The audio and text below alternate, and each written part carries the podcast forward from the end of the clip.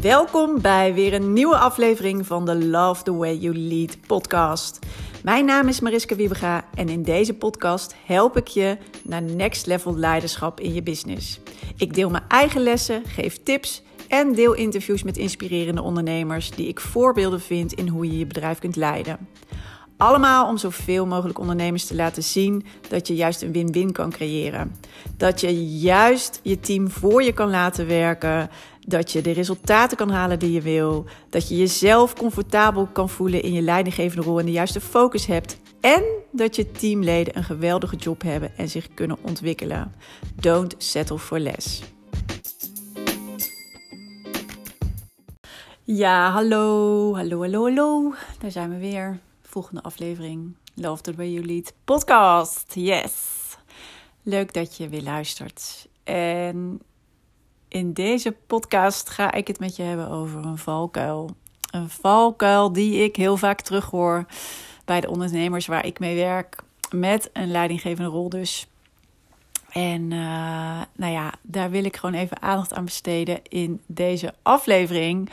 Want um, ja, hij is gewoon belangrijk.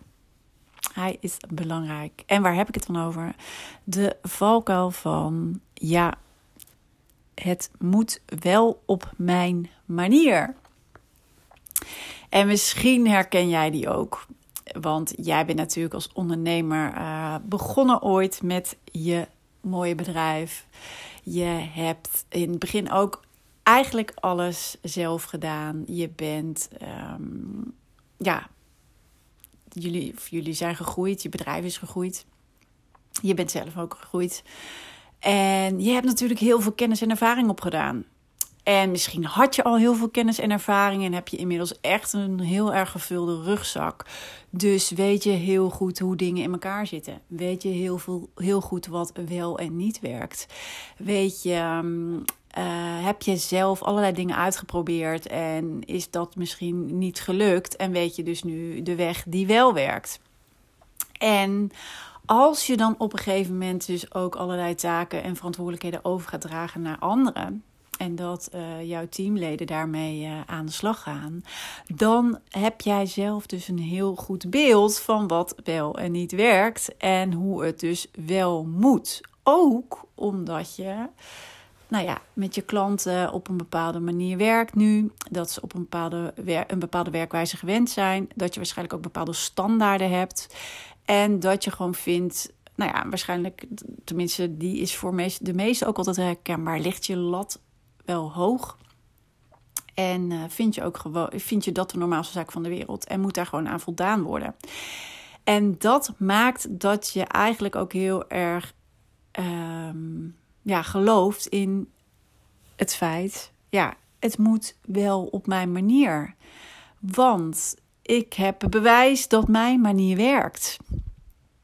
En ik uh, heb het hier wel vaker over gehad met verschillende ondernemers. En natuurlijk is het logisch dat jij weet hoe het werkt. En natuurlijk heb je al die ervaring.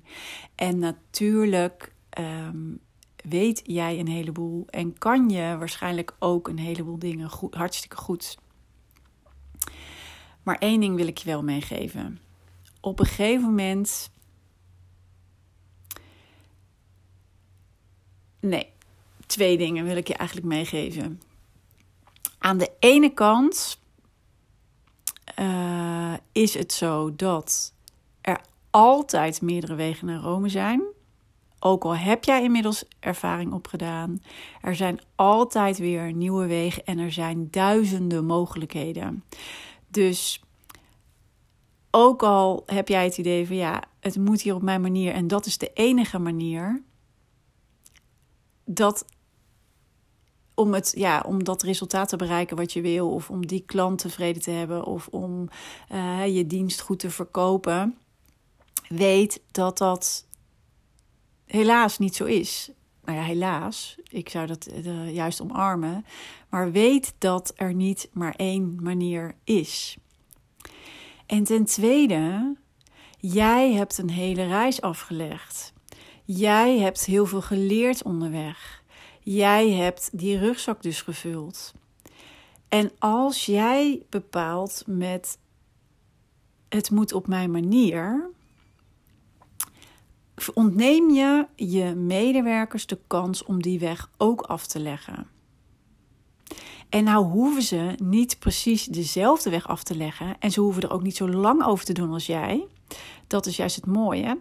Maar als jij zegt, maar het moet op mijn manier en dit is de manier, zullen ze nooit uh, de leercurve doormaken die jij hebt doorgemaakt. En dus ook nooit de goede basis leggen, zeg maar, om op voor te bouwen en hun volledige potentie te benutten.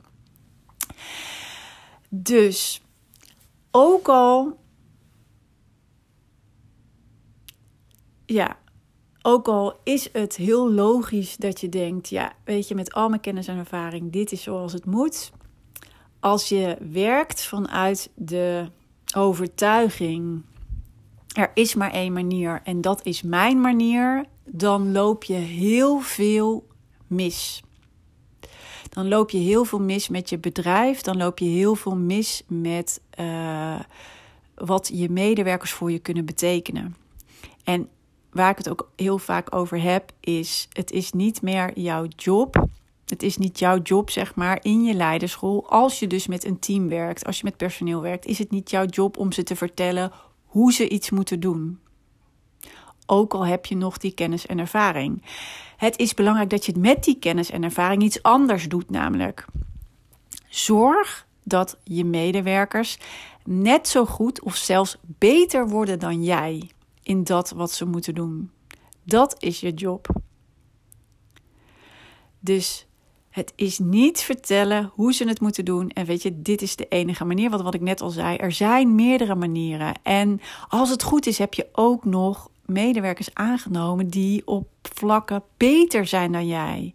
En ik weet dat het soms confronterend is en ik weet dat we overal graag goed in willen zijn en ik wil en ik weet dat we graag complimenten willen voor de dingen die we doen en dat we er waardering voor krijgen.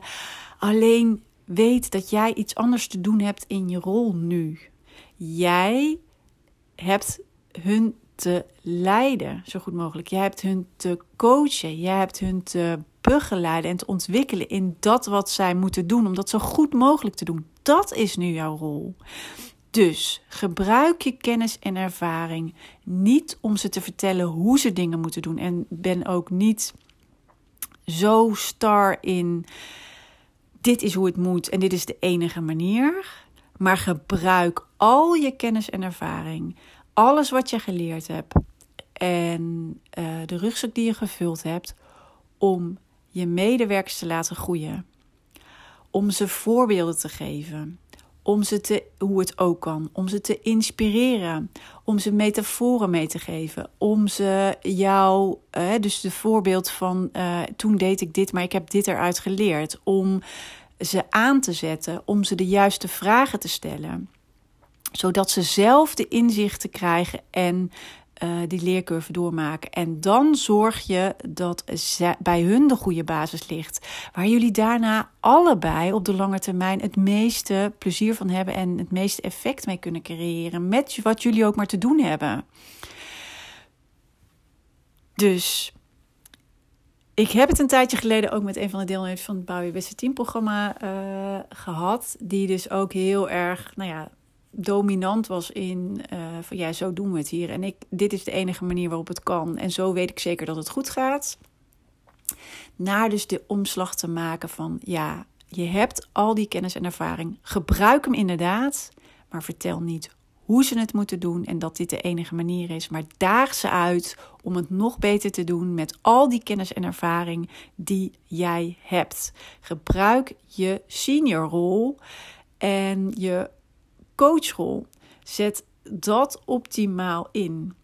En door dat te doen, kan je heel, een heleboel medewerkers zeg maar, al die stappen laten maken en veel sneller dan jij dus uh, doordat ze van jou kunnen leren, kunnen zij het sneller doorleven dan jij. Maar ze moeten het zelf doorleven. Jij kan het niet voor ze doen. Als je, ga er ook maar na, weet je, als iemand tegen jou vertelt: um, uh, zo moet je schaatsen. Zo moet je schaatsen. Ik vertel even letterlijk hoe je het moet doen. Nou ja, en dan, uh, wat denk je dat iemand gaat doen als hij voor het eerst op het ijs komt? Denk je dat hij gelijk goed wegschaatst? Of laat je iemand op het ijs staan en begeleid je iemand om de slag te pakken te krijgen en geef je daar tips over, terwijl iemand dus zelf dat aan het doen is? Wanneer denk je dat iemand het snelste leert schaatsen? We leren het niet doordat iemand letterlijk vertelt wat en hoe we het moeten doen. We leren het door zelf onze weg te gaan en nou ja, uh, dat iemand ons daarmee begeleidt om ja, die leercurve eigenlijk zo snel mogelijk door te gaan. En dat, ja, degene, de coach, zeg maar, uh, of de senior, die is al meer ervaren en die weet al een heleboel. En die aan hem is aan jou de taak om juist te zorgen dat iemand zelf die inzichten en die leerervaring krijgt, zodat die basis helemaal goed zit en juist die potentie tot bloei komt. Dus dat is wat ik je in deze podcast mee wilde geven. Mocht je herkennen inderdaad van uh, ja, het moet wel op mijn manier, oh, dan hoop ik dat je hiervoor open staat. En dat je ook ziet dat jij in je rol uh, iets anders te doen hebt dan vertellen: uh, dit is hoe het moet. En als het goed is, heb je ook echt de beste en geweldige mensen aangenomen. Die misschien soms, dat zou het mooiste zijn, beter zijn in de dingen dan jij. En dan is het al helemaal uh, waardevol om hun hun ding te laten doen. En vooral te zorgen dat ze daar nog beter in worden. En dat kan je doen door ze goede vragen te stellen. Ze zelf tot inzicht te laten komen en ze te laten groeien. Dat is jouw rol. Goed, dat was hem weer voor deze uh, podcastaflevering. En ik hoop dat het je weer geïnspireerd heeft en dat je er wat aan hebt. En uh, ik uh, wens je nog een hele, hele fijne dag. En ja, tot snel weer.